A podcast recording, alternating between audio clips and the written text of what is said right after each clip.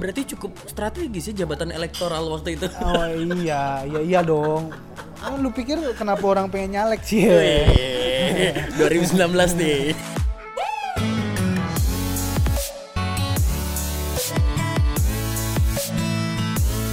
sampah ini semua sampah pokoknya disampah-sampahin gue terus gue kayak depres banget sampai itu tahun baru ya gue kayak nggak ngerasain tahun baru kayak gue kosong banget pikiran gue karena gue mikir kayak anjir gue kalau di penjara gimana ya ini orang udah 100 juta lebih gitu kan Kali ini gue bakal ngobrol sama satu teman SMA gue dan menurut gue ini salah satu temen yang punya perjalanan hidup yang cukup berat lah ya bisa dibilang. Dia struggle dari zaman SMA terus sampai akhirnya dia bisa kuliah, lulus kuliah. Udah lah ya daripada gue so tau, gue ceritain bagaimana profil dia langsung aja. Sekarang gue sama siapa? gue Regi Nama lengkap lu? oh, oke Regi Permadi Oke, Rek, sekarang lu kerja sebagai apa nih? gue bingung sebenarnya gue kerja sebagai apa tapi gue kerja di kayak game developer gitu Hmm? melamar sebagai UI UX design tapi lebih banyak kerjain sebenarnya elemen grafis sih gitu. Tapi core-nya game developer. Oke, gimana ceritanya akhirnya lu bisa di posisi tersebut dan di company tersebut? Eh, sebenarnya sebelumnya itu gue kayak gue nyari sih gue maunya ke mana sih gitu. Desainnya luas banget.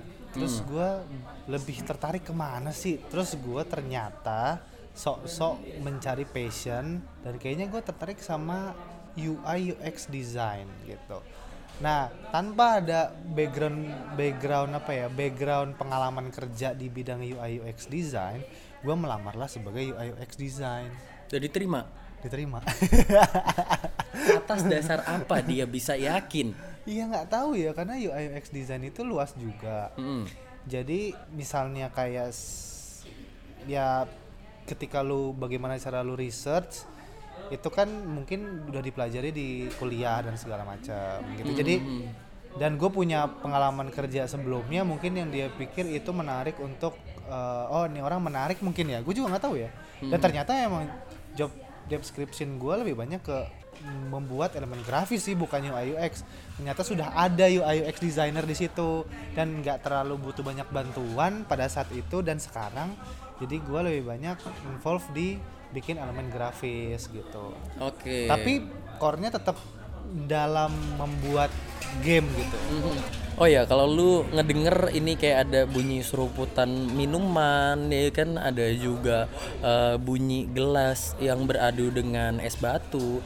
Ini kita sebenarnya lagi di salah satu coffee shop di Cilandak. Namanya Social Brew, dia operate dari jam 10 sampai jam 10 malam di weekdays dan weekend jam 10 sampai jam 12 malam. Rate harganya dari 25 sampai 50 60-an dan gua rasa sih good taste sih. Rek, mungkin ada beberapa pendengar kita yang belum tahu UI UX ini apa. Ini barang macam apa dan kerjaannya ngapain sih? Oke. UI UX ini kayak semacam jadi UI itu bisa singkatan dari user interface, bisa user interaction juga bisa. Kalau UX itu adalah user experience. Oke. Dan kebanyakan ini dipakai untuk digital, misalnya kayak untuk eh, apps atau web kayak gitu. Tapi kalau UX itu bisa dipakai untuk apa aja sebenarnya user experience bisa dipakai buat arsitek juga bisa masuk gitu bangunan ya maksudnya bangunan atau interior gitu. Ini lu masih luas banget dan nggak tahu kenapa gue pengen banget ngulik di UI UX design gitu. Oke, udah berapa tahun lu berarti di eh, kantor yang sekarang? eh 8 per 12 tahun. Ya alias 8 bulan lah ya. Iya iya iya iya iya iya iya. Bener sih gue nanyanya tahun soalnya ya. Iya, iya, iya iya. iya. Enjoy lu. sejauh ini enjoy banget karena dia game developer ya. Jadi di dalam situ tuh bener-bener ketika lu jam makan siang lu main game tuh biasa banget. Atau lu pulang main game tuh biasa banget. Atau bahkan di sela-sela lu ngantor lu main game tuh biasa banget. Karena di situ banyak banget gamer dan dan enjoy banget gue dan cenderung enjoynya karena nyantai kerjanya ya gitu game apa yang pernah lu mainin dan lu suka beneran? Eh, Jujur kalau gue, gue adalah cowok yang nggak suka main game selain olahraga kayak basket, gue suka FIFA PES, gue suka FM, gue suka. Tapi gue nggak punya game di handphone gue. kalau game ya yang relate sama sekarang gue suka main Jurassic World Live sih. gue malu sebe- sebenarnya. Tapi gue gue dari TK suka banget sama sama di, yang berbau-bau dinosaurus dan purbakala tuh gue suka banget.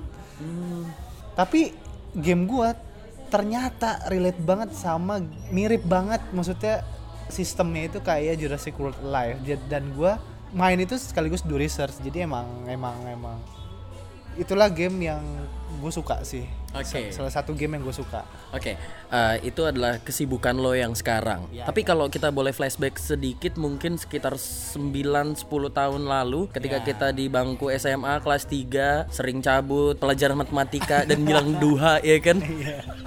cabut sholat duha ya Aduh, cabut yang sangat Islami ya, Iya. luar biasa. gimana guru mau marah coba Iya bener. Kalian dari mana? Sholat bu duha. Tapi dua jam pelajaran ya Itu padahal jam istirahat juga bisa sih Padahal 12 rokat juga cuma butuh 30 menit kayaknya ya. Oke, eh, flashback ke SMA. Gue inget lu pernah punya mimpi kayaknya sekolah di luar ya, Rek? iya iya benar-benar Di luar Jakarta, Bekasi gitu. oh Bekasi lebih jauh dari dari negara Oh mana pun iya ya iya. Nah, oke Di mana tuh? Di mana tuh waktu Jadi gue dulu pengen banget sekolah di Jerman gitu. Hmm. Ambil Jadi- teknik gitu. Yap. Jadi uh, ini gara-gara abang gue sih. Abang gue itu bilang, lu kalau mau lu kalau mau sustain pekerjaan lu, lu ambil gak jauh-jauh dari IT lah kata gitu. Ya bener kan? Eh, 10 eh, tahun gua, kemudian. Gua, gua IT loh. Eh sorry sorry. Tapi gak sustain. Tapi gagal. Gak, gak, gak, gak, gak, maksud gue gini eh, ya kita lihat ya, let's say beneran 10 tahun kemudian sekarang itu gila banget sih Eh, IT tuh lu lu tinggal lu tinggal nyari gitu ya di headhunter tuh ah banyak banget lah gitu Iya. Bahkan start startup company juga kebanyakan eh, dunia IT ya kan? Iya iya bener banget. Terus ya gue nggak menyangkal itu pada saat itu dan gue bahkan mengiyakan. Jadi gue mau ngambil jurusan IT atau elektro karena sebagian kampus core IT-nya elektro. Oke. Nah kalau elektro gue emang karena suka juga pelistrikan gitulah ngeliat-ngeliat kayak perkabelan nyambung-nyambung kabel tuh gue suka nggak ngerti sih sebenarnya kerjanya bukan itu tapi gue dulu masih naif banget jadi gue ngerasa kalau elektro itu ntar berhubungan sama kabel-kabel terus gue suka gitu. tapi sih ya halangannya adalah duitnya itu sendiri bahkan gue sebenarnya nggak tahu sebenarnya gue bisa kuliah apa enggak Oh. jadi eh, ya singkat cerita nyokap gue meninggal tahun 2007 nih. Jadi eh, tinggal bokap gue terus bokap gue nikah lagi. nggak ada masalah di situ, cuman memang eh, untuk menguliahkan gue harus jual salah satu aset yaitu tanah. Gitu. Dia harus jual tanah dulu dan planning pertama memang dari hasil penjualan tanah itu nguliahin gue di luar negeri. Tapi pada kenyataannya waktu itu lu cerita tanah agak sulit ya buat ngejual ya. Wah susah banget coy. Walaupun Berapa tahun tuh? sebenarnya sebenarnya hitungannya sih hampir setahun ya. Tapi gue harus menyaksikan pada saat itu gue lulus, kita semua lulus dan gue harus menyaksikan teman-teman gue kuliah duluan karena isi tanah itu belum laku kejual gitu. Oke, lu pending buat kuliah setahun, akhirnya lu waktu itu ngisi buat jualan kalau nggak salah ya? Iya, gua itu bantuin bokap gua. Ya, bokap gua waktu itu memang mulai usaha se- setelah pensiun dan usahanya kayak jualan kelontongan gitu sembako di Bekasi, yaitu yang di luar planet itu. Eh, panas banget, tapi gua harus jalanin itu. Gua bantuin bokap gua dan gua di situ kayak mau jualan yang lain deh. Terus gue jualan bakso. Oke, eh, lu jualan bakso setelah berapa lama lu pegang kelontongnya bokap lu itu? kayak baru dua bulan tiga bulan gitu terus gue ah jualan bakso yuk terus gue bareng kakak gue eh, kakak perempuan gue jadi dia kayak eh, temennya pernah bikin bakso boom gitu terus eh, laku banget dia terus habis itu kayak eh, apa namanya ya nggak berjalan bagus bisnisnya tapi resepnya itu masih ada dikasihlah ke kakak gua Terus gua bikin bakso Oke.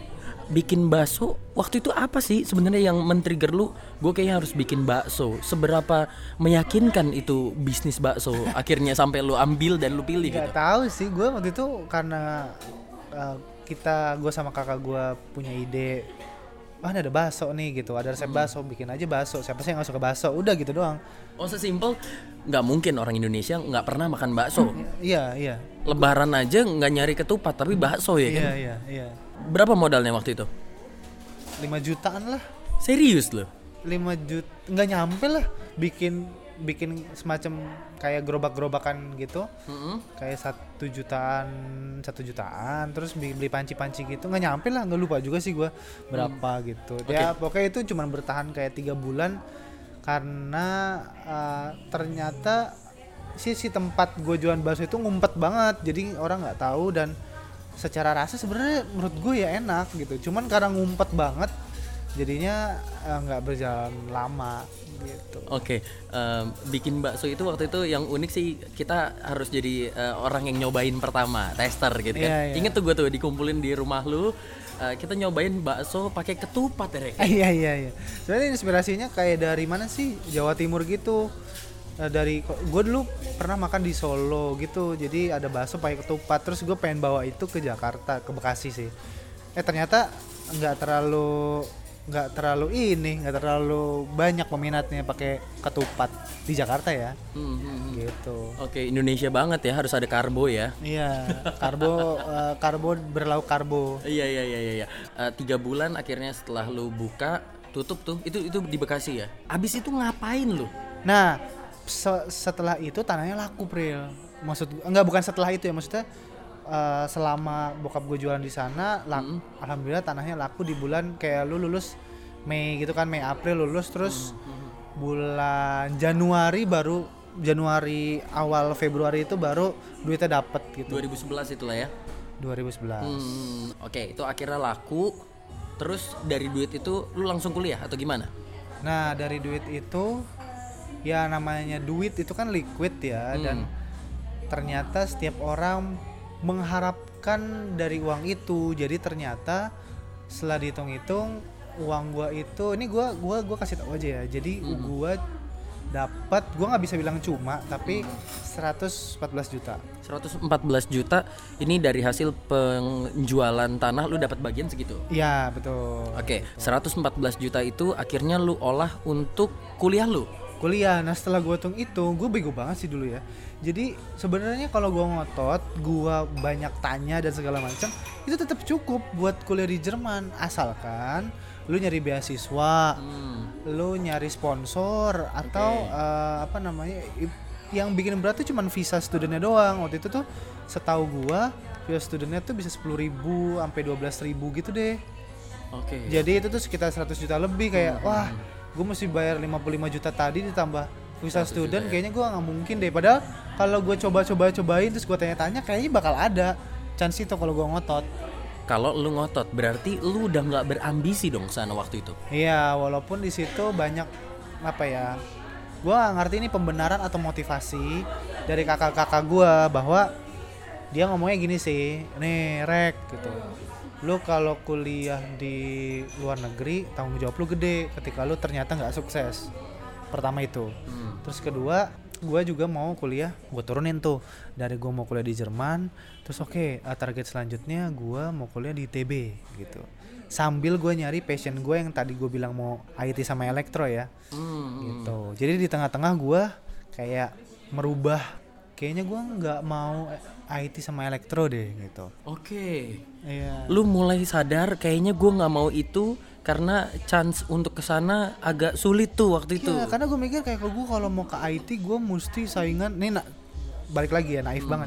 Gue mesti saingan sama orang-orang yang eh, gamer yang tiap hari hidupnya di warnet. Yang ngulik udah hidup kayaknya lahir dari motherboard gitu ya. Iya, iya kayak dia SD udah bisa ngerakit komputer gitu loh. Ah, anjir saingan gue kayak gini gitu. Iya, iya, iya. Terus kalau kalau elektro, wah anjir gue berarti masih saingan sama orang-orang yang suka ngoprek radio kayak gitu gitulah naif banget anjir nggak ada yang ngarahin gue Iya iya iya iya. eh mung- mungkin itu arahan ya arahan Iya, iya. arahan dari dari dalam diri gua Hmm. dan orang lain mengarahkannya justru kayak gini Rek, lu kan dari kecil suka gambar, suka doodling, kenapa nggak lu masuk desain aja? Itu siapa tuh? Macem-macem. Dulu sih eh, dari cewek gua dulu, Hmm. Dari om gua, dari ya semua orang sekeliling gua tuh mempertanyakan kenapa lu nggak masuk desain gitu. Begitu gua ada dua tiga orang yang ngomong hal yang sama, gua introspeksi diri, bener juga. Kalau misalnya gua misalnya gua masuk desain, gua nggak harus lari ngejar si perakit komputer dan si perakit radio itu. Oke oke oke oke. Oke, lu karena udah suka dari kecil, lu udah praktis juga setiap hari lu nulis-nulis gitu ya kan? Iya, lu gambar-gambar, iya. gitu ya kan? Jadi lu ngerasa ini kayaknya akan lebih gampang. Lu nggak butuh ngejar orang-orang yang udah mulai dari dulu gitu. Iya iya sih. Karena gue udah mulai dari dulu ngelakuin Oh. itu. Jadi gue kayak oke gue kayaknya bisa lebih bersaing nih di sini gitu. Oke. Nah, Sampai akhirnya lu masuk di kampus lu bukan Ya. di ITB yang lu pengen. Nah, ini, Gimana tuh? Ini juga kisahnya agak-agak lucu ya. ITB itu gue juga kurang informasi sih di sini gue gua gua gua menyadari bahwa ITB itu 2010 lulus itu ITB tesnya masih kayak cuma eh, TPA bahasa Inggris lupa gue ada matematika dasar kalau nggak salah Oke oke. Ah. TPA itu tes potensi akademik ya? iya iya sama gambar sih satu iya lagi iya, bukan tempat ngaji anak-anak Ah, ya. bukan, bukan. bukan. Terus Eh. terus tahu-tahu pas 2011 tesnya ada IPS dong. Hah, sorry nih, namanya kan Institut Teknologi Bandung. Iya. Apa tujuannya dia menyertakan IPS itu? Bahkan di di di, di mata kuliahnya nggak ada sama sekali mata kuliah berbau IPS. Nggak ngerti gue, makanya situ gue langsung ilfil. Gue bilang, "Ngap- Bisa ya ilfil sama universitas ya? bisa banget. Gue bilang ya? kayak ngapain gue masuk ITB? Tesnya aja nggak nyambung. Ntar gue di sana tahu-tahu gue dididik hal-hal yang nggak nyambung lagi. Oh, udah negative thinking nih. Takutnya nanti gue tidak sesuai arah yang gue inginkan gitu ya. Iya, iya banget lah. Males gue terus ya sebenarnya itu pembenaran gue males belajar IPS lagi sih karena gue Iya, iya, IPA iya. kan Iya, gitu. benar, benar. Cuman kayak kok gini banget terus berubah gitu kan. Terus ya udah, jadinya gue cuman dan gue nggak ikut les apa pun. Hmm. Gue cuma nyari gue maunya desain apa gitu. Nah, akhirnya lu bisa menentukan lu mau desain apa. Gimana tuh prosesnya? ya pokoknya gue waktu itu interior gue nggak terlalu tertarik desain grafis pada saat itu anjir saingan gue banyak banget ya kalau desain grafis ya gitu. Sekarang universitas yang tanda kutip biasa-biasa aja ada desain grafisnya. Berarti gue begitu lulus gue saingan sama puluhan ribu sarjana sarjana muda dan sarjana yang bertitel desainer grafis gitu. Hmm. ya udah gue kayak punya tiga karung yang gue udah tahu isi karung satu desain grafis karung dua desain interior. Gue pilih lah yang gue nggak tahu. Apa tuh? desainer produk nah poinnya di sini eh, adalah kehidupan gue di kampus sebenarnya dengan dengan limit gue 114 juta Gimana caranya? Pokoknya lu harus uh, Lulus. lulus dengan source segitu doang gitu ya. Iya, dan bokap gue ini bener-bener udah nggak kerja dan dia gagal ternyata di sembako yang itu dan dia ya sudah nggak kerja gitu. Jadi ya memang pensiun gitu. Dan dan gue harus survive dengan 114 juta itu. Dan itu dan itu bener-bener ngedidik gue banget sih gitu. Oh, lu dapat poin yang lu pengen lu keluar dari Jakarta lu mau mandiri. Dapat. Iya, dakwah itu mah lebih dari dapat karena 114 juta itu gue oret-oret itu nggak ada intervensi apa pun dari siapa pun. Bener-bener gue yang mil, gue yang hitung, gue yang milih, gue yang tanggung jawab. Oke. Bahkan bokap gue aja cuma menanyakan gini, cukup nggak tuh 114 juta buat sampai kamu lulus? Sebenarnya gue menyangsikan cukup, tapi gue bilang insya Allah cukup, gue bilang kayak gitu. Lu ngitung uh, per hari lu butuh berapa dan dalam 4 tahun. Gue gue gue gue tahu itu nggak bakal cukup di tahun keempat. Oh, berarti mungkin uh, lu bisa bertahan mungkin tiga tahunan gitu iya ya. tiga tahunan tapi gue gue udah semangat banget pengen kuliah gue nggak mau realistis gue pada saat itu menghalangi gue lagi untuk kuliah karena kan tadinya gue mau kuliah di Jerman terus gue kayak realistis oh duitnya nggak bakal cukup buat bla bla bla. Ternyata beberapa tahun kemudian gue sadar bahwa eh kayaknya gue kalau nyari banget kayaknya bakal bisa deh. Nah terus ini gue nggak mau gue pengen kekeh aja bodo amat lah cukup nggak cukup.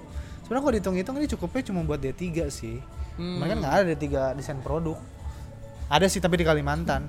Nah, pertanyaannya adalah gimana caranya lu survive di mana lu tahu ini nggak bakalan cukup sampai lu kelar S1. Apalagi ya, setahu gua nih teman-teman gua yang desain dan segala macam itu pasti prakteknya, pasti lu kunjungannya segala macemnya itu ngeluarin duit yang nggak dikit. Yang di mana lu akhirnya puasa Daud, men.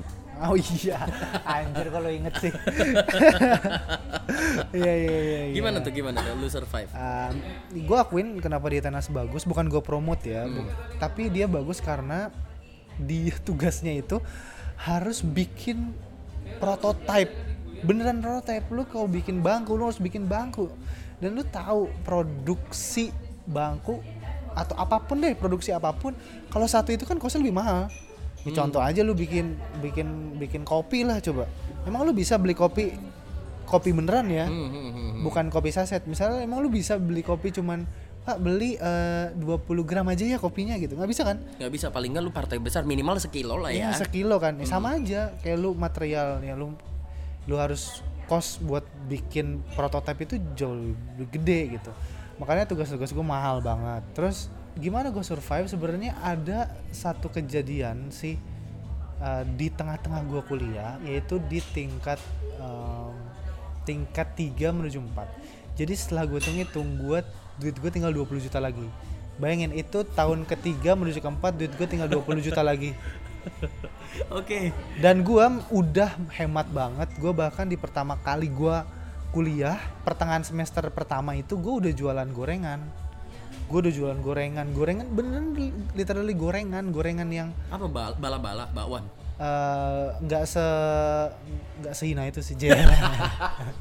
Apa lu Nggak, nggak, jual apa? Lu hina juga sih, ini Oke, hina oke. juga. Iya, Jadi- iya. jadi- lu jualan kroket.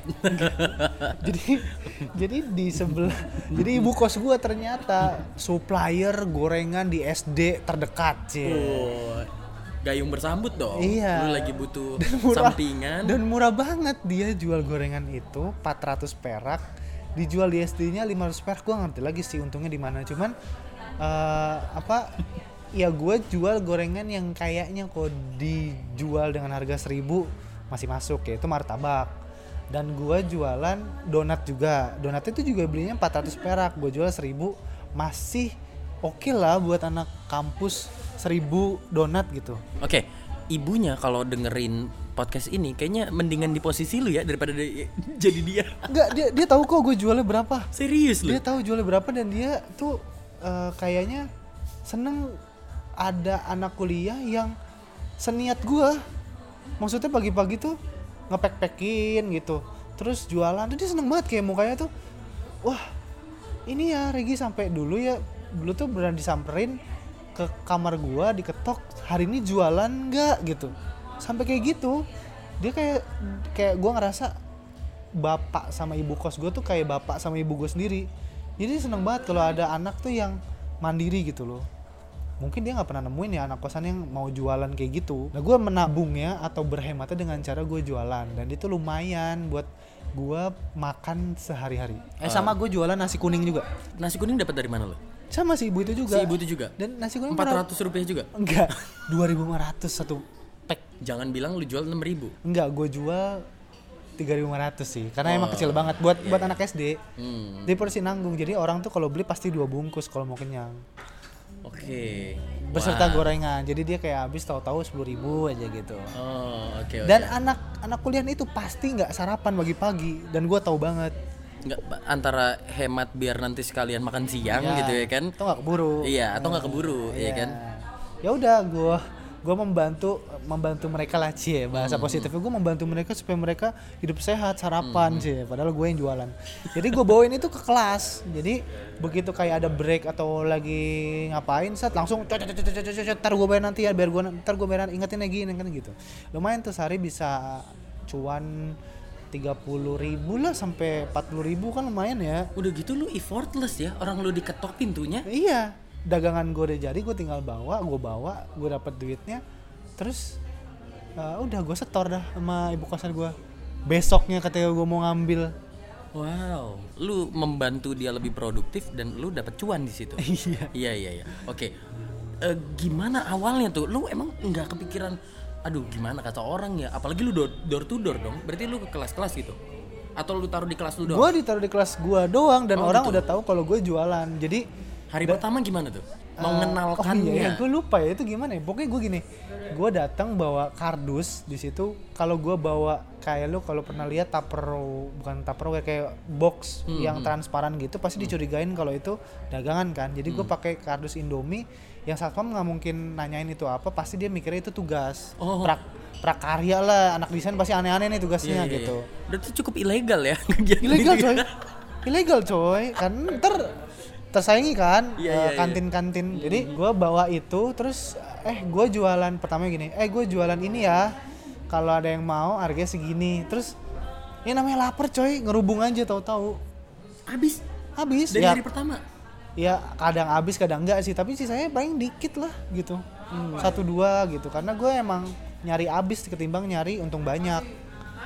Gitu. Oh, ini prinsip bisnis banget ya. Lu, Iya. lu menciptakan public trust gitu ya. Lebih lu lebih dapat trafficnya Iya gitu ya. gitu.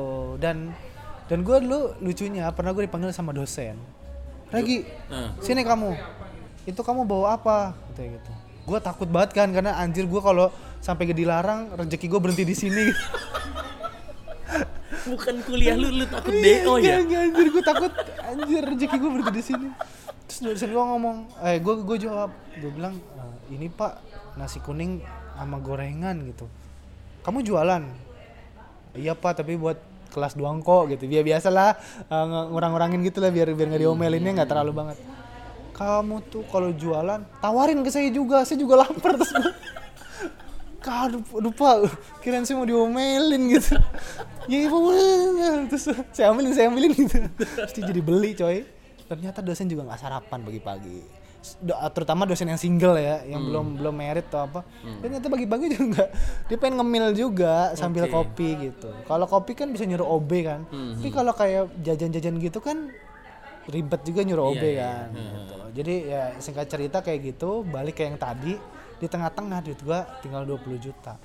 Dan di situ ini gua nggak tahu nih cobaan atau ujian, cie. kurang lebih sama lah itu ya Iya. Temen gua tahu-tahu datang ke Bandung, temen eh, temen SMA sih lebih tepatnya datang ke Bandung. Terus dia pada saat itu curhat sama gua. Datang ke kosan gua curhat malam gitu curhat. Dia nginep di kosan gua. Terus dia curhat dan dia tuh lagi fucked up banget pada saat itu. Jadi dia nyolong duit maknya gitu-gitu ya. Dan dia tuh gara-gara terjebak di judi pada saat itu. hmm oke oke oke oke Oke, nah dia terjebak di judi, terus dibilang terus gimana ya katanya gitu. Ya gue pada saat itu cuman ngebantuin dia untuk dia insaf karena cara lu nolong diri lu sendiri ya lu merubah habit lu atau merubah circle lu lah kayak gitu gitu. Tapi di sisi lain gue ngerasa kayak gue harus provide sedikit material ke dia. Jadi dengan sisa uang gue 20 juta, lu masih tergerak tuh hati lu buat bantuin dia padahal lu Iya. tahu itu akan buntu 20 lu Iya, tau nggak gua gua ngasih pinjam dia berapa? Berapa? ngasih pinjam dia 7 juta. oh, gila loh gede ya Dan beberapa bulan kemudian dia dia merasa kayak butuh lagi, terus gua transfer lagi sekitar tiga setengah juta. berarti banyakan yang lu pinjemin ke dia daripada lu punya Iya. Terus gua ngerasa di situ kayak ya kalau gua niatnya bantuin orang, masa sih gua nggak ditolong kayak gitu. oh oke Jadi oke. gua kayak ngebuka jalan keluar gua dengan cara nolong orang. Hmm, hmm, hmm. gitu terus gua nggak tahu sih itu bego apa gimana ya soalnya beberapa bulan kemudian ceweknya si ini curhat sama gua kalau dia sebenarnya masih di circle yang sama dan masih main judi. Jadi duit yang gue pinjemin itu diputar lagi di judi. Hmm, hmm. dan di situ gua nggak kesel. Gue biasa aja. Lah kok bisa? Karena gue mikir kalau gua nggak ikhlas gua menyalahkan apa yang gua kasih gua nggak dapet dong. Maksudnya niat lu udah baik gitu ya? iya niat gue udah baik dan dia menggunakan itu gue nggak harus sebel karena nanti lu yang bakal kena akibatnya gue tetap dapat apa yang gue niatin gitu. Hmm, hmm, yang nggak tahu kenapa sih gue di situ nggak nggak nggak marah atau nggak bisa marah. Terus Gimana tuh akhirnya lu bisa survive? Lu masih punya satu tahun, duit tuh tinggal sembilan setengah, dan waktu itu yang lu lakuin lu masih jualan, gue tetap jualan gue tetap jualan yang sama. jualan yang sama tapi nambah aja lotnya. Kayak itemnya nambah gitu. Oke oke. nah terus jadi gue waktu itu masih nggak tahu di semester eh, 5 ke 6 semester 5 jadi itu tahun ketiga. Jadi kan kalau gue kuliah itu studio. Studio itu harus kayak naik kelas. Naik kelas gitu. Nah studio ke tiga ini studio ketiga ini gue nggak tahu lulus apa enggak. Jadi dia kayak telat gitu. Jadi gue udah gue udah harus bayar uang kuliah buat semester depan sementara gue belum tahu yang sekarang lulus apa enggak. Sedangkan duit gue tinggal dikit. Akhirnya gue memutuskan untuk cuti nah Lu ambil cuti tuh waktu itu. iya gue memutuskan untuk cuti terus gue bilang gini Berapa semester lu? Hah? Berapa semester? gue sih rencananya waktu itu cutinya satu semester Oke. terus gue gue bilang gini sama dosen gue karena waktu itu abis semacam kayak final presentation lulus ap- atau enggaknya terus gue harus gue harus nanya sama dosen gue gue bilang gini pak saya mau nanya mohon maaf banget saya harus nanya sekarang karena ini emang harus ditanyakan sekarang eh, saya lulus atau enggak ya gitu karena kalau saya lulus saya mau cuti. Kalau saya nggak lulus saya lanjutin karena nanggung ini. Karena gue kalau nggak lulus gue harus ngambil mata kuliah studio yang studio itu di semester depan. Hmm, hmm. gitulah pokoknya di situ uh, sistemnya. Terus wah saya bikin kamu nggak lulus aja ya. Karena saya nggak mau kamu cuti. Sebenarnya dosen gue tuh baik banget. Dia tuh menyayangkan gue untuk kenapa lu cuti gitu. Hmm, hmm. ngerti kan? Dia Oke, oke. dia kayak sayang sama gue jadi lu tetap kuliah deh gitu. Ya udah kamu saya bikin nggak lulus aja ya supaya kamu tetap kuliah. Ya jangan gitu pak. Kalau boleh tahu kenapa kamu pengen cuti? Ya biasalah terkendala finansial gue bilang gitu. Oh ya udah kamu lulus gitu kata dia gitu. Terus gue akhirnya cuti. Oke. Cuti berarti lu punya plan dong mau ngapain? Iya, gua planningnya adalah gua berasumsi gua bakal dapat part time lah, atau gua dapat gawean lah, atau gua dapat project lah, apalah gitu ya. Dan gua dulu aktif di beberapa organisasi ya. Pertama gua aktif di himpunan. Pada saat itu tuh gua lagi ngejabat juga sebenarnya Jadi ketua ya. kayak ketua divisi di himpunan terus di waktu itu kayak remaja masjidnya gitu gue juga ngejabat sebagai nggak ketua divisi tapi ya pokoknya aktif lah ya aktif dan di situ gue kayak punya mentor gitu uh, senior terus gue uh, di tengah-tengah gue udah lulus dan menuju semester baru gue cerita nih sama mentor gue uh, senior gitu tentang gua cuti. Jadi gue cuti gue mau kerja. Kenapa gua harus cerita sama mentor gua? Karena nanti proses mentoringnya itu biar dia tahu kalau misalnya gua ngilang misalnya gua kerja atau apa. Terus dia kesel si mentor gua. Loh kenapa nggak bilang gitu karena kan bisa dibantuin dari jauh-jauh hari. Kenapa ngomongnya pas kamu udah mau cuti? Terus gue bingung. Yaudah nanti akan cariin dulu ya katanya gitu. Padahal lu nggak minta. nggak minta. Terus begitu hari pertama masuk di semester berikutnya gua disuruh sama si akang mentor gue ini coba kamu bilangin lagi kamu bisa nggak ikut kuliah? Karena nih ada nih yang mau biayain. Gitu. Terus gue kayak kayaknya nggak mungkin deh gitu kan dalam hati. Terus gue coba. Gue ngomong sama dosen gua yang pada saat itu dosen gua itu dosen studio lanjutan yang tadi ya jadi studio 4 itu dia pada saat itu ngejabat sebagai ketua jurusan. Terus dia eh, jadi dosen studio 4 Mhm. dan gua pada saat itu kan emang punya jabatan kan. Mhm. terus gue cerita pak saya masih bisa ikut kuliah nggak ya saya sih sebenarnya tahu sih nggak mungkin bisa karena proses pembayarannya udah dari berapa bulan sebelum kan.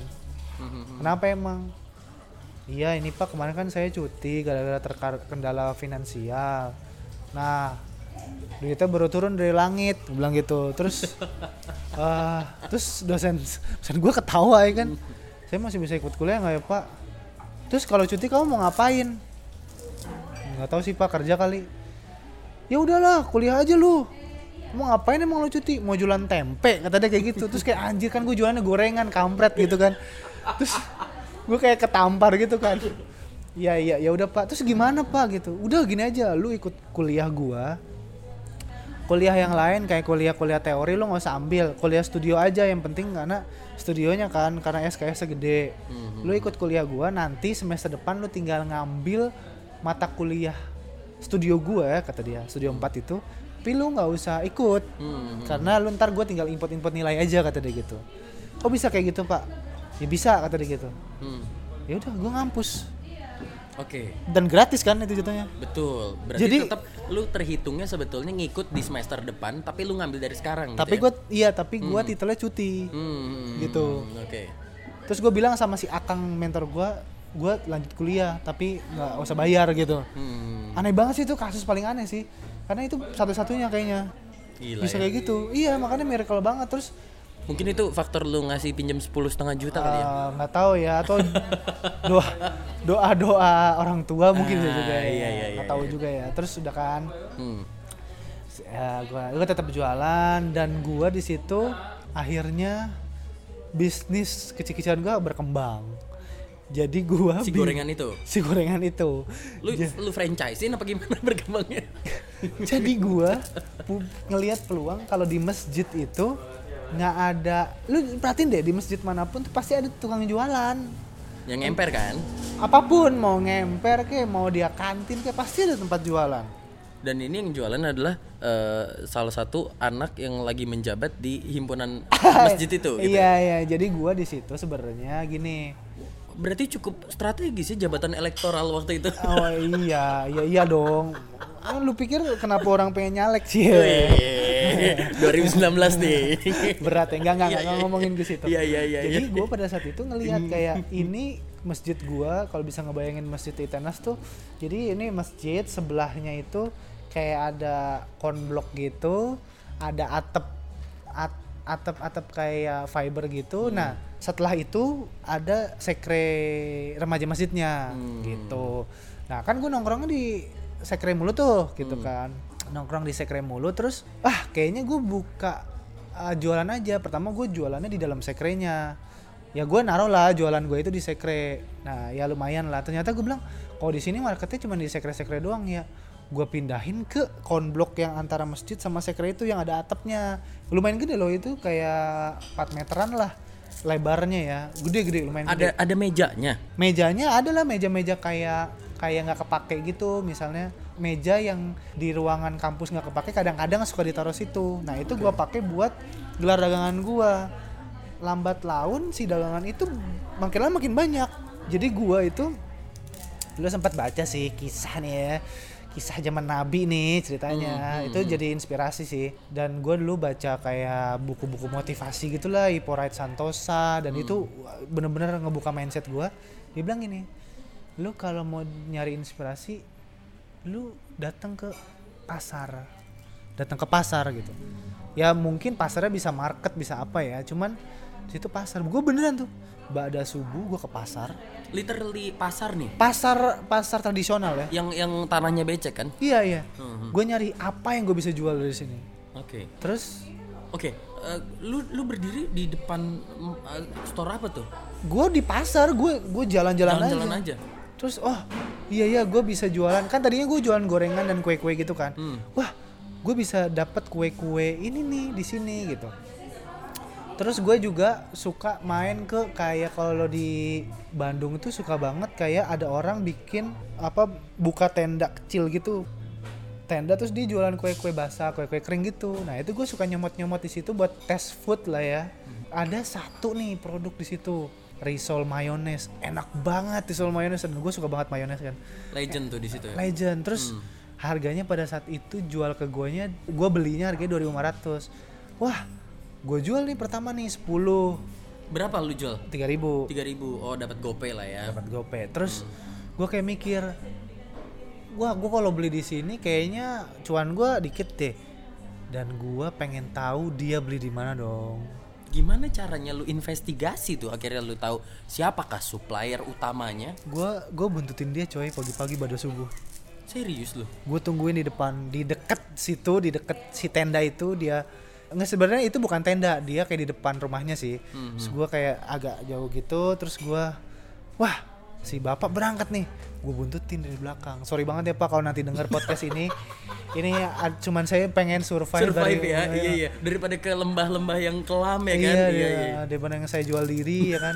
Mending saya ju- jualan gitu. Terus Iya, iya. akhirnya dia ke sebuah pasar dan gue tahu gue beli dari produsennya si Oh. risol itu dan pasar yang tadi gue kunjungin juga dapat inspirasi karena di situ gue jadi dapat kayak gini ada snack kiloan Hmm. yang udah di packing terus gue jual itu terus gue tambahin tambahin keuntungan berapa persen lah gitu jadi gue tuh setiap pagi ritual gue datang ke pasar satu ngambil jualan terus ke pasar yang lain ngambil si risol dan kue-kue yang lain terus gue balik ke masjid kebetulan parkiran motor deket masjid gua tata dagangan gua pagi-pagi sekitar jam 7 kurang terus gua packing kalau yang gua mau ke kelas udah gue jualin sisanya itu gua taruh aja di masjid jadi gua bikin sistem kantin kejujuran Oh, beneran jujur orang yang kayak ada toples terus kayak silakan masukkan ini harganya iya iya segini. jadi gitu udah kan. gua taruh display harganya gua taruh cuman kotak dan sisa duit-duit kecil jadi kalau orang butuh kembalian gue tinggal Oh, duit kecil itu tapi nggak pernah hilang terus kosong toples ya? nggak peduli jadi gua emang situ kantin kejujuran gue percaya ini di masjid lu kalau mau nyolong silakan lu kalau nggak mau bayar silakan tapi s- alhamdulillah gitu ya maksudnya pada saat itu gue tetap dapat cuan tiap hari. Walaupun secara hitungan emang cuan gue nggak pernah sama sesuai hitungan. Misalnya gue jual 10 item gue bakal dapat untung 10.000 ribu. Harusnya nih. harusnya. Ya di situ gue dapat untung 8000 ya walaupun ya udahlah mungkin orang skip melihat harga atau skip ngambil kembalian atau emang dia eh, apa namanya eh, lapar terus ngambil besok bayarnya besoknya kan nggak tahu juga Hmm, Tapi pernah nggak yang justru hitungannya harusnya cuannya tuh sepuluh ribu jadi 12 gitu? oh pernah juga Itu, itu karena gimana tuh? karena ternyata ya itu orang yang utang baru pada bayar Oh. setelah dapat uang jajan Wadah. dan gue gue takut banget setengah mati ketika Oke, ada oke. kelebihan waktu itu 50 ribuan terus gue 50 ribu sekitar 50 ribu maksudnya lu malah Gua takut. takut anjir ini kalau misalnya orang salah dia niatnya mau nyumbang ke masjid tapi masukinnya ke kotak itu ada duit. Ada duit duit umat di situ kan berarti kan anjir. Buat pembangunan masjid gitu Iya. malah jadi Atau- membangun hidup lu ya. iya terus gue takut terus gue terus gue skip skip 50 ribu itu tetap gue nggak apa-apain. Sampai gue tahu realitanya teman gue ya sorry ya kemarin gue nggak nggak bayar karena gue ngambil aja banyak gue catat terus gue langsung bayar Hmm. oh jangan-jangan ini duit orang-orang utang nih yes gue bisa pakai 50 ribu tadi gitu Oh, jadi lu mulai positive thinking kalau itu adalah orang-orang yang belum bayar kemarin. Yap, dan itu lumayan loh. Sehari itu gue bisa dapat 100 ribu cuannya 150 ribu. Kebayangkan sebulan bisa Lumayan berapa? ya? Bisa 2 jutaan Iya, sebulan. gua- apa ngapain loh? Iya iya bener bener bener. Cuman pagi-pagi berangkat ke pasar, taro, udah beres-beres, udah. Lu tinggal lagi, ya? lu lu lu nggak jadi pegawai di situ ya? Enggak. Naruh doang ya? Naruh doang. Iya paling gue ngecek kalau gue zuhur sholat di masjid gue cek gitu. Gue ambil duit duit gede biar nggak numpuk di situ kan. Gitu. Hmm, iya iya iya. iya. Terus kadang emang teman-teman gue baik sih maksudnya kalau duit gede dia simpenin gitu. Hmm. Akhirnya berarti lu bisa survive tuh yang di mana lu cuti, lu sambil kuliah, semester depan lu langsung ambil kuliah. Semester depan gua eh, iya gua bisa bayar bisa nambung dari situ. Terus gua juga eh, cabut dari kosan gua karena gua bukan karena sebenarnya dulu pernah bukan karena nggak mampu bayar kosan tapi gue pengen nyoba aja tidur di masjid. Oke, oke. Jadi gue pindah, Eh. gue pindah, gue hidup di sekre kurang lebih dua minggu. Terus di masjid gua di lantai dua itu ada ruangan kosong. Sorry banget, ini ini ilegal. Jadi kalau Itenas tahu sorry banget. Ini gua nggak pernah share sebelum sekarang gua share.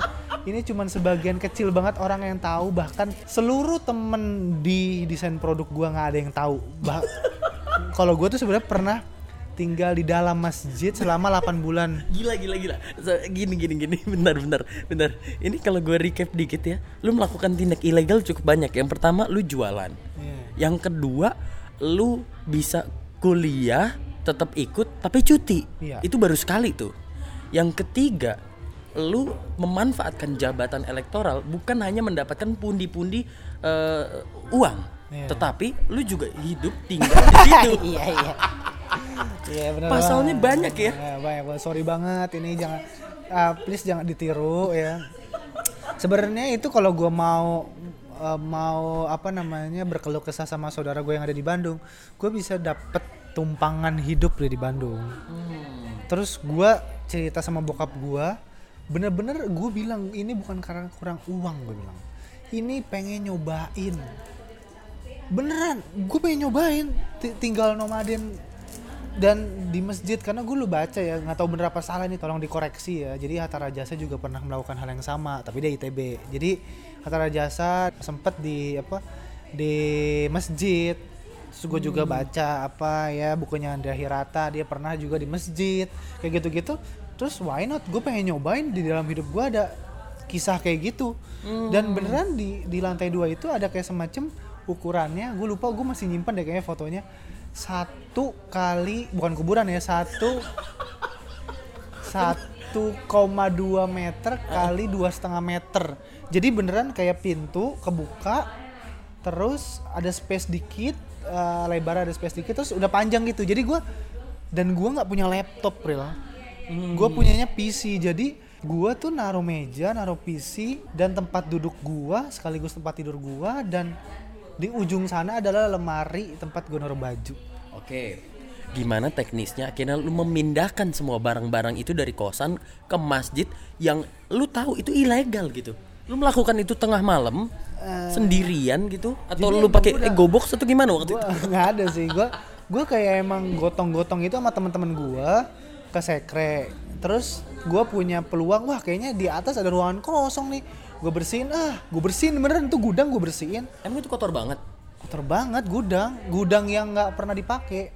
Terus kotor banget. Terus gue minta izin sama DKM nya gue bilang eh de, de, Dewan Keamanan Masjid. nggak tahu kakaknya apa ya kepengurusan masjid Oh, apa apalah ya. gitu ya. Terus ada bilang dia nggak sebenarnya awalnya dia nggak tahu kalau itu dipakai buat tempat tinggal gue ya. Terus terus ya udah gue bersihin terus gue mulai bersarang di situ.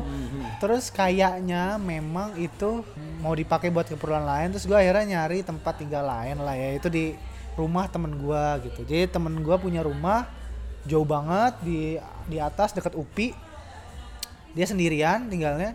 Terus gua dia rumahnya gede punya berapa kamar? Satu dua tiga empat kamar.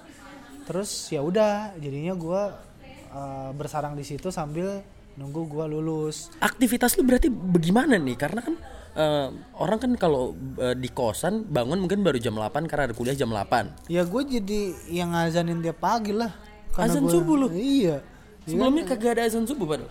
ada cuman kan karena gue tidur tidur di situ kan jadi gue wah kosong nih gak ada yang azan azan gue gitu Oh, gue belajar azan gara-gara di situ gue jadi bisa azan tuh Berarti dari paling panjang kan ya? a- azan subuh Iya, iya, paling iya. panjang kan Iya, iya. nah kalau di masjid gue kan masjidnya apa ya eh, internal. Jadi Hmm. masjid subuh tuh yang sholat paling satu dua orang karena nggak ada mahasiswa di situ kan kecuali Hmm. mahasiswa yang begadang juga mungkin ada yang sholat subuh.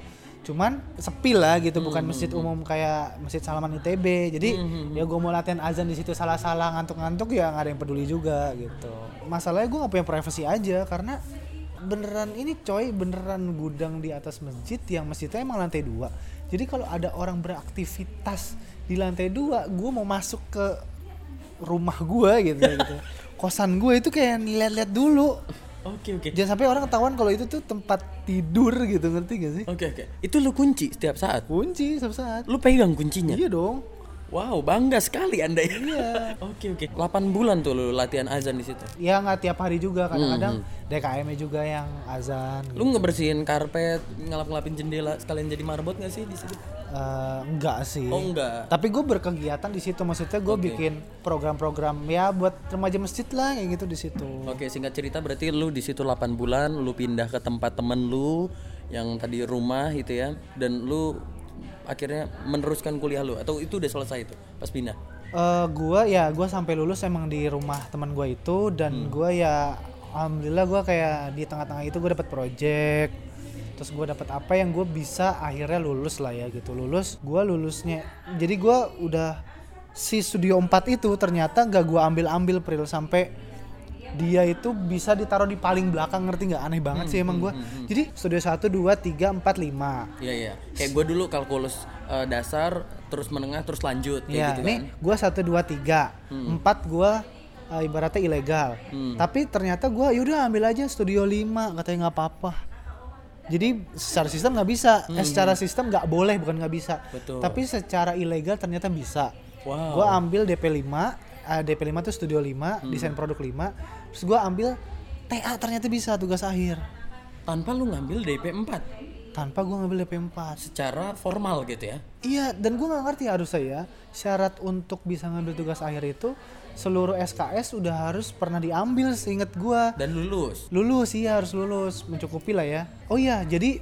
si dosen yang tadi memperbolehkan kuliah studio 4 itu dia kajur sekaligus dosen DP 4 gua sekaligus dia wali dosen dosen wali gua. Yang di mana gua kalau gua mau asistensi gua semester depan ngambil mata kuliah apa aja ya itu ke dia.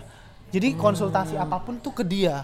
Jadi kayak gue emang dikasih ya dikasih kemudahan banget. Yaudah ambil aja TA kan enak tuh kamu udah lulus kamu bisa kerja dulu tinggal nungguin wisuda sambil ntar si studio 4 itu berjalan. Ya udah gua akhirkan di gua taruh di paling akhir si studio 4 makanya dari gua lulus TA sampai gua wisuda itu jedanya 8 bulan.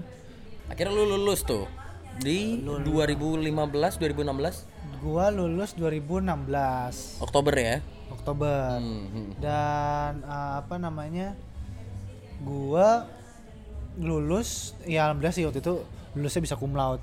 Wih, ya gua lihat tuh jam fosil lu itu gara-gara iya di Etanas tuh uh, ini ya jadi kalau lulus Loyal banget ya. kalau lulus cum laude tuh dapat jam tangan. Kalau cewek dapat bonia kalau cowok dapat fosil. Oke, berarti kalau lu mau dapat fosil cuma-cuma lu laude ya. ya lu kuliah 4 tahun di Etanas cum laude. Cum laude. Kata lu otomatis dapat jam fosil Banyak keuntungan lu ya.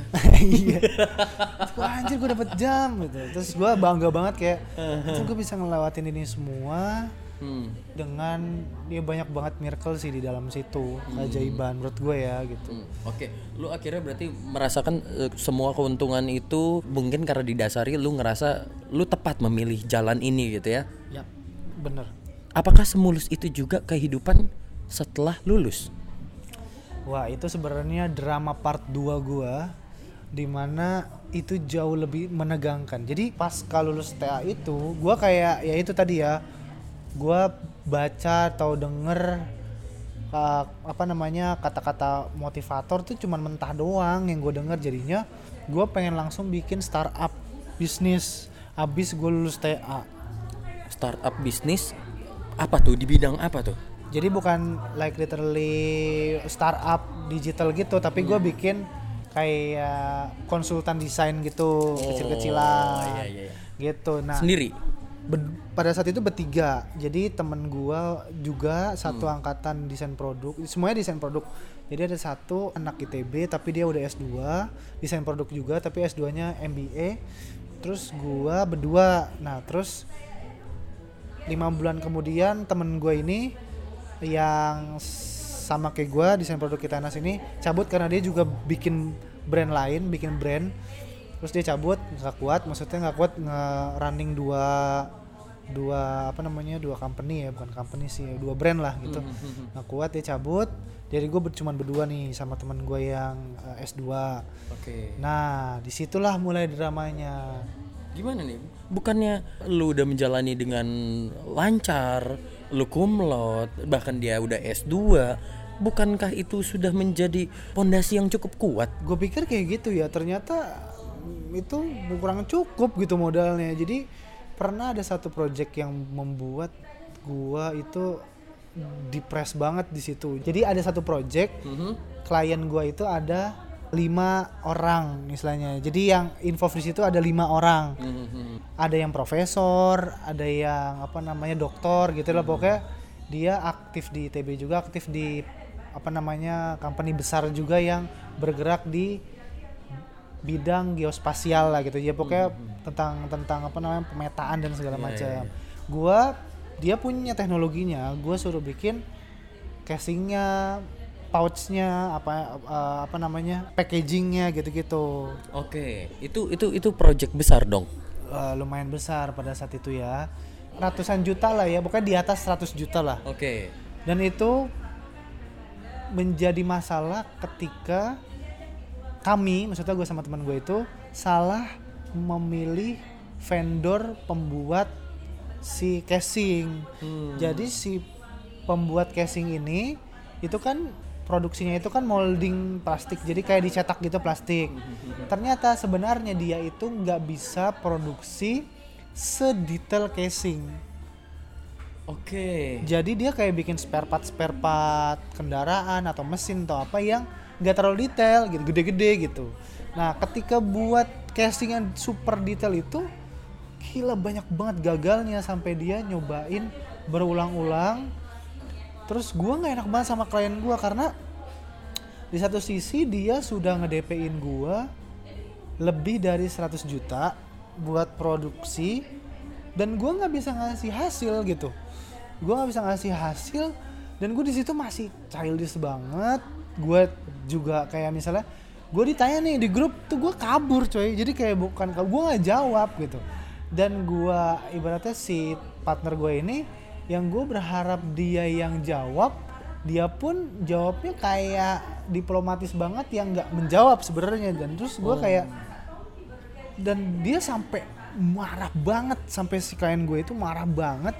Sampai waktu itu ketemu di Bandung terus ada satu yang emang tem bukan temperamen sebenarnya dia wajar ya jadi temperamen tapi dia nyampe nyampein kita kayak sampah yang kalian kerjain kayak gitu gitu terus uh, udah kita bawa nih semacam prototype. Bukan prototype sih karena dia produksi massal ya produk ya udah jadi produk. Tapi itu tuh kayak casing atas sama bawah nggak pas. Terus kayak ah apa Koplok-koplok gitu ya?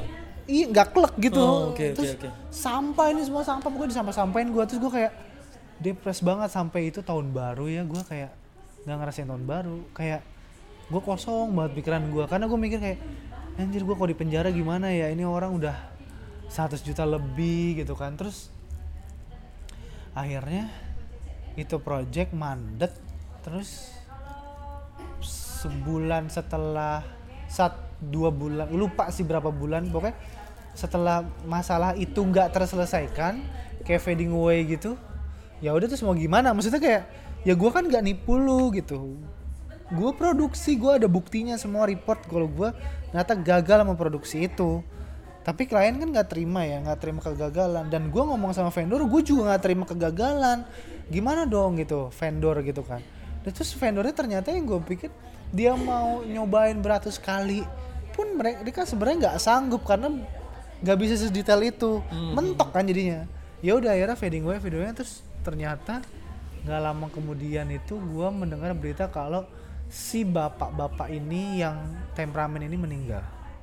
Terus gue kayak situ kayak anjir gue apa ini salah gue ya? Ini apa salah gue gitu. Terus gue kayak merasa bersalah. Tapi satu sisi gue juga ada yang ada perasaan seneng kayak. Ya, ya namanya Iya, ya iya, iya, iya. ya bagian bagian setan lu kan juga pasti kayak merasa oh ya berarti nggak ada yang bakal ngomelin lu lagi gitu. Nggak bakal ada yang ngecencer lu lagi nggak bakal ada yang neror lu lagi kan. Tapi di sisi kayak jangan-jangan jangan-jangan gitu kan. Hmm.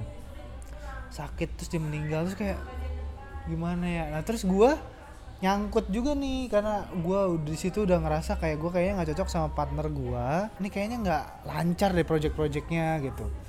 Terus gua akhirnya mulai membuka chance di luar gitu. Chance Oke. chance di luar Lu lu memutuskan keluar tuh tahun berapa tuh akhirnya? pokoknya di awal-awal pokoknya itu kan kayak awal tahun baru kayak bulan Februari terus gue udah mulai kayak gue kayaknya gue di situ tuh bener-bener ya gue dapat cuan kagak gue juga menghidupi diri gue sendiri susah. Akhirnya gue minta biaya operasional juga cuman sejuta sebulan tuh kayak wah ini kayak gue salah di mulai bisnis. Harusnya ya kalau kita mulai bisnis kita tuh udah memperhitungkan untuk menggaji diri kita setiap bulan berapa. Hmm, hmm. ya dong di situ tuh nggak ada ternyata dalam hitungan itu gitu. Cuma dari insentif yang lu dapat kalau project gitu ya. iya cuma kayak gitu doang anjir. Terus ya akhirnya kan kayak biaya misalnya kayak biaya klien DP itu kan kepake buat operasional hidup bukan operasional bisnis kan. Hmm. jatuhnya. Jadinya ya itulah bercampur-campur di situ. Jadinya nggak sehat. Terus gue mikir kayak kayak gue nggak cocok deh sama partner gue gitu. Terus gue berusaha nyari chance pada saat itu. Tapi partner gue masih mau mempertahankan gue akhirnya gue turun jabatan dari partner menjadi karyawan dia yang di- dibayar per bulan. Karena gue butuh uang per- operasional dong. Oke. pada sekarang gue merasa itu salah karena harusnya ketika gue butuh digaji operasional per bulan gue tuh nggak turun jabatannya menjadi karyawan. Sebenarnya lu jadi partner itu emang lu harus ngeplot lu dapat gaji per bulan untuk operasional. Di situ gue merasa polos banget gue menerima itu turun kasta dari partner jadi karyawan untuk serta merta lu dapat gaji gitu. Ya itu menurut gua gua salah banget sih di situ. Terus ya udah gua buka chance di luar gua ikut ikutan ini apa kayak jadi freelancer terus ikut program uh, gue bisa sebut sini program pemerintah yaitu Backcraft Dan itu cukup membanggakan lah ya gue temen lu aja. Gue kayak ngerasa wah gila temen gue backcraft men. itu memang jadi titik terang gua kayak habis gelap terlebih terang tuh bener-bener di situ. Karena gue jadi tahu ternyata oh gue punya kehidupan yang layak. Karena ya eh, gua nggak mau membuka gua di situ dapat berapa di di di di Backcraft tapi lumayan lah gitu. Lumayan untuk fresh graduate gitu. Iya, iya, gue juga nggak tahu kenapa kenapa gue bisa diterima padahal di requirements itu ada bilang minimal pengalaman kerja 2 tahun gue daftar aja ternyata gue diterima. Hmm, hmm, hmm. terus gue jadi kenal sama Mia desainer lain terus gue akhirnya di situ merasa kayak oh gini ya enak banget jadi freelancer. Bisa ke mana-mana jalan-jalan terus uh, lu di, dibayar sesuai kebutuhan lo lah ya kebutuhan lo sebulan terus gitu. Terus ya gue di situ jadi bisa berpikir objektif. Oh gue ke depan harus gini gini gini karena gue udah cukup mengisi perut gue jadi otak gue bisa berpikir lebih objektif.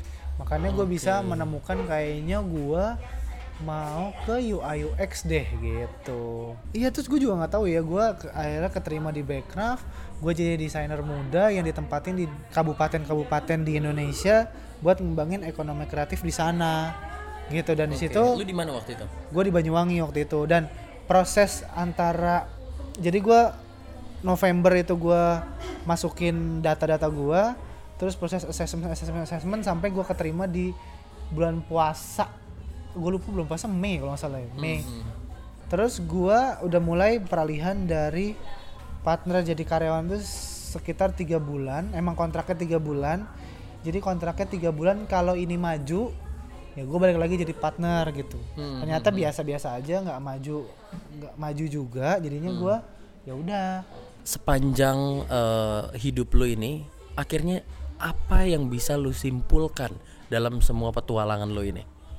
Kalau di mungkin menjadi sebuah rangkaian kata itu apa tuh? kalau gue bilang lu emang harus ngambil resiko. Ketika lu yakin itu bakal misalnya bakal menjadi cita-cita lu atau bakal menjadi jalan keluar lu lu beneran jalanin aja dulu. Karena karena itu proses coy. Jadi ketika di tengah jalan mentok ya lu berpikir terus tahu ada jalan keluar terus ada jalan keluar kayak gitu sih.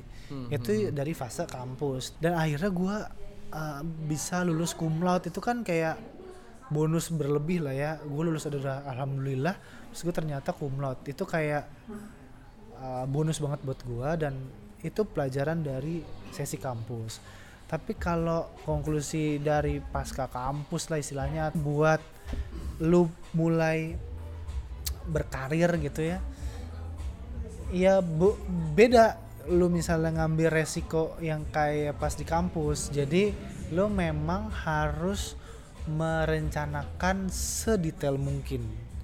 Karena lu harusnya udah punya pola pikir ketika lu menjalani di kampus lu udah bisa berpikir lah ya secara akademis gitu. Proses akademis lu menggiring lu lu jadi punya pemikiran kayaknya gue tahu deh gue harus seperti apa gitu. Harusnya ya jadi di kampus itu kan bekalnya how to think kan. Jadi lu jadi tahu. Dan itu lu harus pikirin matang-matang. Lu mau ba- bangun bisnis lu punya enggak modalnya? Modalnya punyanya link duit ilmu punya punya enggak tiga hal itu gitu. Kalau nggak punya lu mulai dari mana nih nggak dapetin modalnya? Mau link dulu mau duit dulu atau mau ilmu dulu gitu. Atau sekaligus tiga-tiganya lu dapetin dari berkarir di kerja dulu sama orang misalnya kayak gitu. Jadi jangan mentah-mentah ngambil kalimat kalimat-kalimat dari motivator terus lu langsung jalanin tanpa lu tahu sisi jeleknya dari si kalimat manis itu apa gitu. Jadi intinya itu sih. Satu lagi sih gue mau nambahin ini yang paling paling paling paling esensial adalah jangan pernah malu melakukan apa pun karena banyak banget yang underestimate sama ketika gue jualan gorengan gitu. Hmm. kayak lu kok mau sih eh, oh ya ini gue dulu pernah jadi ketua himpunan akhirnya gue jadi ketua himpunan. Terus gue masih jualan risol legend itu dan salah satu dosen gue nanya kamu kan desainer kamu kan kuliahnya desain produk. Kalau kamu jualan harusnya kamu jualan produk dong. Hmm, ya tapi kan kalau produk emang lu bisa jual sekarang laku sekarang buat dimakan hari ini kan enggak kan Iya, emang anak-anak kampus pada bisa beli. Iya. Ternyata yang lu harus malu adalah ketika lu melakukan hal yang lu nggak dapet apa-apa itu lu harus malu. Yang paling simpelnya adalah lu misalnya ilmu juga nggak dapet, link nggak dapet gitu, duit juga nggak dapet.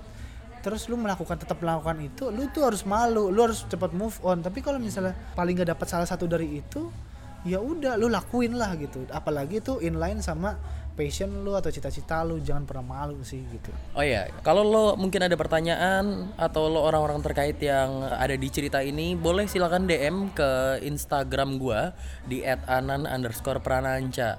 Lo mau sharing sama lo mau ngidein, Nan, coba deh bahas ini. Nanti bisa gua usahain, gua cari orang yang tepat buat ngobrolin itu. Thank you.